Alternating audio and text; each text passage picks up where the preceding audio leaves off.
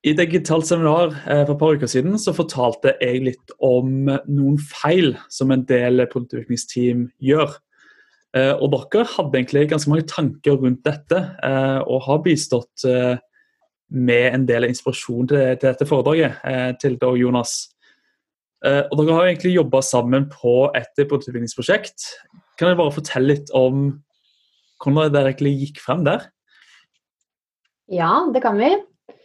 Eh, vi hadde en ganske tradisjonell eh, fremgangsmåte til å begynne med på det prosjektet. Vi, vi begynte, altså Initiativet i seg selv startet fra, et, eh, fra utvikling i markedet, hvor man så at, at kunder går over fra å, å, eie egne ting til å, til å i større grad leie og dele. Som ville påvirke kunden og deres relasjon innenfor, innenfor mobilitet.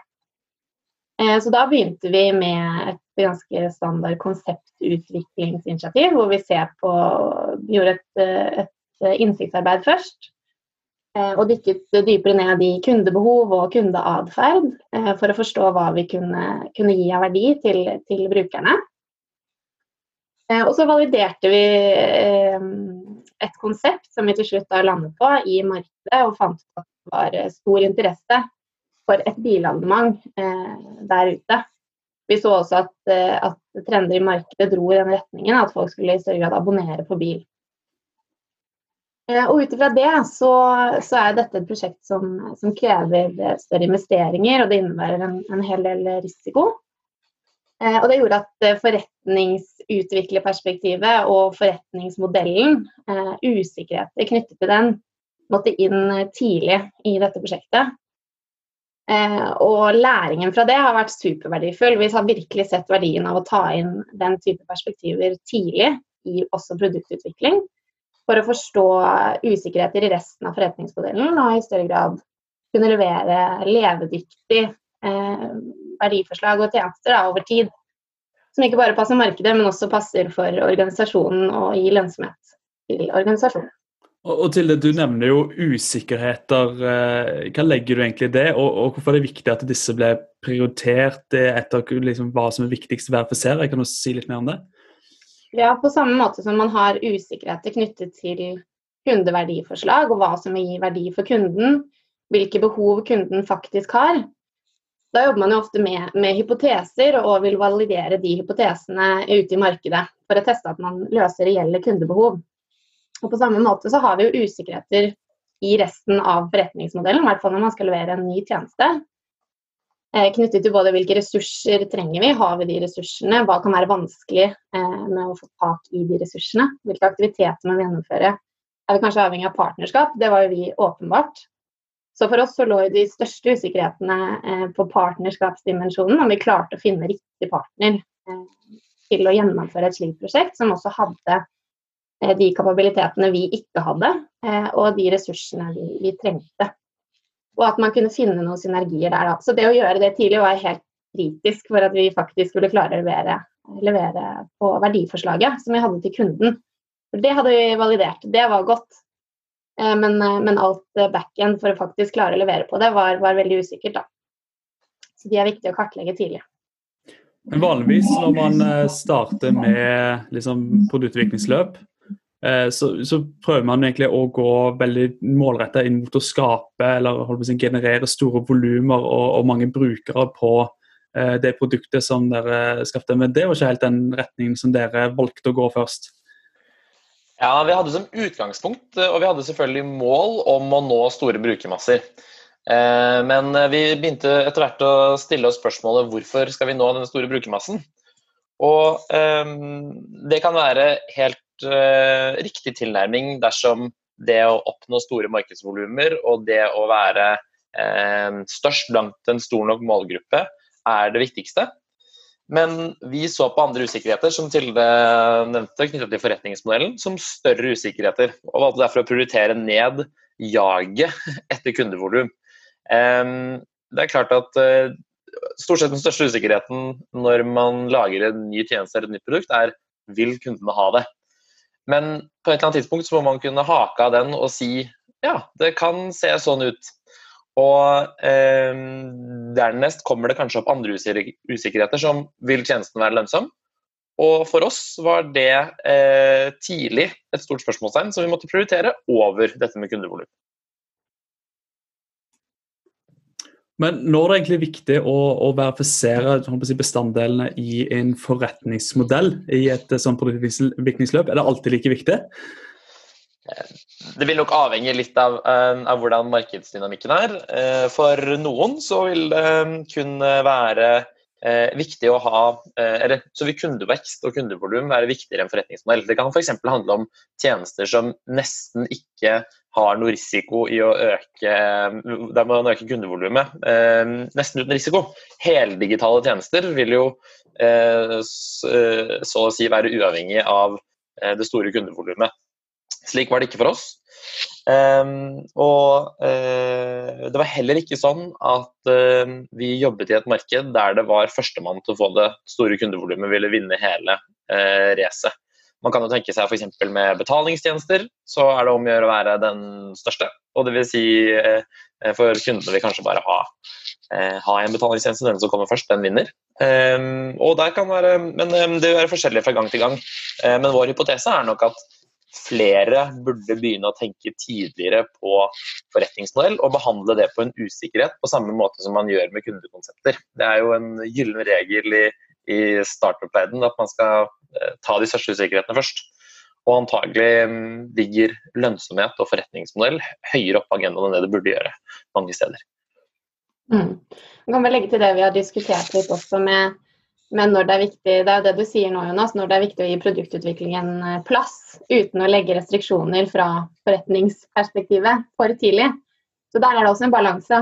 At, eh, at, man skal kunne beholde den kreativiteten produktutvikling i seg selv for å treffe kundebehov krever. Men eh, på et tidspunkt så er man nødt til å også se hva som er verdien, realiserbarheten og lønnsomheten i, i tjenesten man skal lage. Og spesielt når det er når det er noe du skal tjene penger på over tid, da, og har det som formål, og ikke nødvendigvis eh, kundevekst i seg selv. Så dere jobber egentlig som en eh, noen form for forretningsutvikler innad i dette produktteamet. Eh, var det noen spesielle oppgaver eller noen sånn rammeverk eller metoder som dere brukte, som dere så som veldig verdifulle i, i dette arbeidet?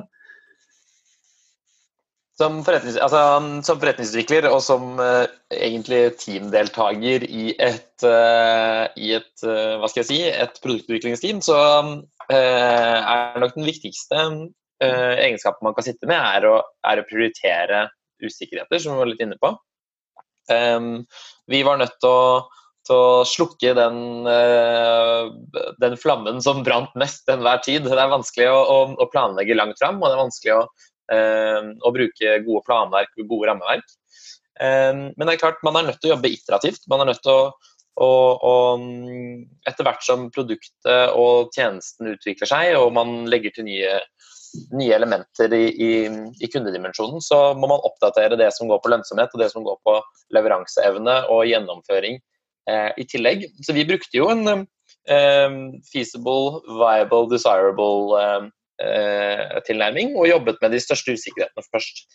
Så um, Det var nok de viktigste overordnede prinsippene som styrte produktutviklingen vår. Mm. Og så hadde vi, hadde vi, også en tankegang om at eh, hva er det minste man kan gjøre for å teste denne usikkerheten eh, godt nok. Eh, så vi testet jo både gjennom eh, et pilotprosjekt eh, med én partner, hvor vi lærte veldig mye om forretningsmodellen.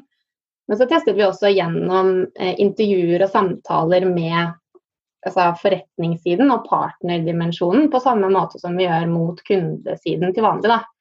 Som også var kjempeverdifullt. Så det handler jo veldig ofte om å finne enkleste vei, vei til målet og kunne klare å verifisere usikkerhetene man har enklest mulig og tidligst mulig egentlig hele veien. Så det er jo på en måte hovedprinsippet vi har brukt. Mm. Eh, og så jobbet vi mye med partnerskap, som du sa til det. Og der, på samme måte som, eh, som eh, kunden er, er, viktig for forretningsmodellen, så er underleverandører og partnere viktigere for forretningsmodellen. Så det å forstå deres behov og kunne tilby dem et godt verdiforslag, var helt avgjørende for å kunne levere tjenesten og kunne gjøre det på en lønnsom og god måte.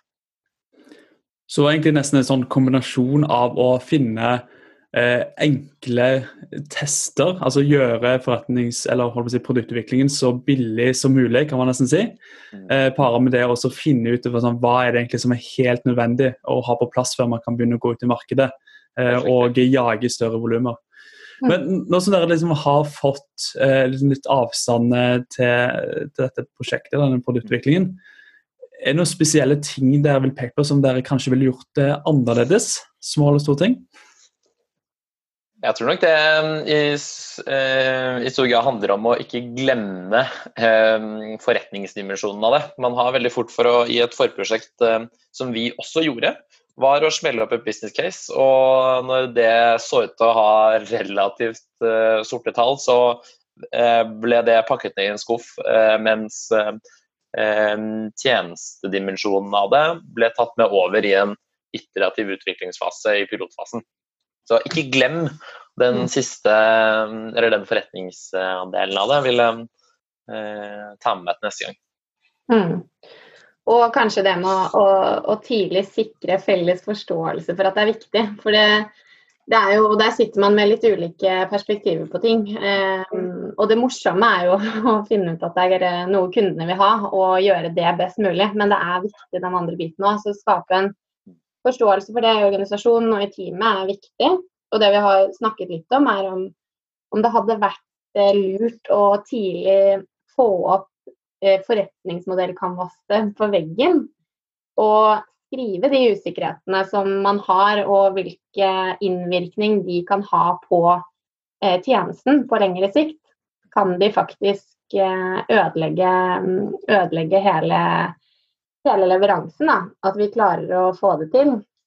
Hvor store showstoppere er de, hvordan skal vi finne ut av det? Eh, det bidrar jo også til at det er top of mind, og at og at folk bryr seg om det i større grad enn, en vi kanskje var Vi var opptatt av det, men vi kunne kanskje vært enda flinkere til å skape felles forståelse for det blant flere. da. Mm. Det er klart at Vi også jobbet jo i en kultur der man var vant til å rapportere inn økte økt kundemasse hver gang man var, man var, innom en styringsgruppe eller et styre. Um, så det å komme inn der og si at nei, vi har ikke fått en eneste ny kunde eller vi har ikke lagt igjen en eneste ny feature, vi har ikke hatt en eneste ny release, Eh, men vi har heller måttet jobbe med, med, med, risiko og med partnere og med forretningsmodell. Mm. Eh, det var eh, en terskel for oss også, og det var nok en, et nytt element av hva de, de som er beslutningstagere, også er vant til å høre fra den typen utviklingsteam. Så dersom jeg skulle starte med, med å jobbe med fram nye konsepter, bare liksom for å oppsummere det, har dere, noen sånn tips til, til, til, mitt team til å jobbe fram nye konsepter, være sånn eksplorativ? Hva er dere sitter igjen med som de, de smarte tips og triks i Ludo som dere ville gitt meg? da? Jeg ville nok eh, ha eh, for det første sørget for at alle interesser eh, og alle byggeklosser som skal med, både fra forretningsutviklingssiden, design- og utviklingssiden, er representert i teamet hele veien. Og så hadde jeg forsøkt å formulere hypoteser som handlet om alle tre aspektene av de.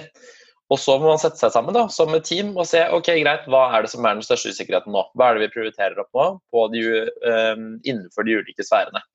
Uh, det er nok kanskje det, det viktigste tipset. og Ikke glem uh, at du trenger noen som ivaretar alle delene av, av produktet og av tjenesten. Mm.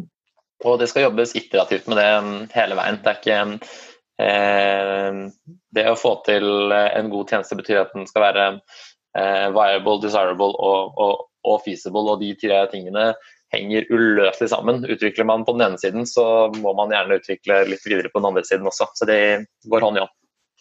Mm. Og gjøre resultatene av det synlig hele veien. Ikke minst. Ikke mm. minst. Ja, gode tips. Takk skal du ha. Tusen takk. Takk. Drypp er en lavterskelpodkast fra Beck, hvor vi diskuterer diverse temaer som interesserer oss. Og Hvis du har et tema som du har lyst til at vi skal snakke om, eller du vil være med på en innspilling, ta kontakt på drypp.beck.no.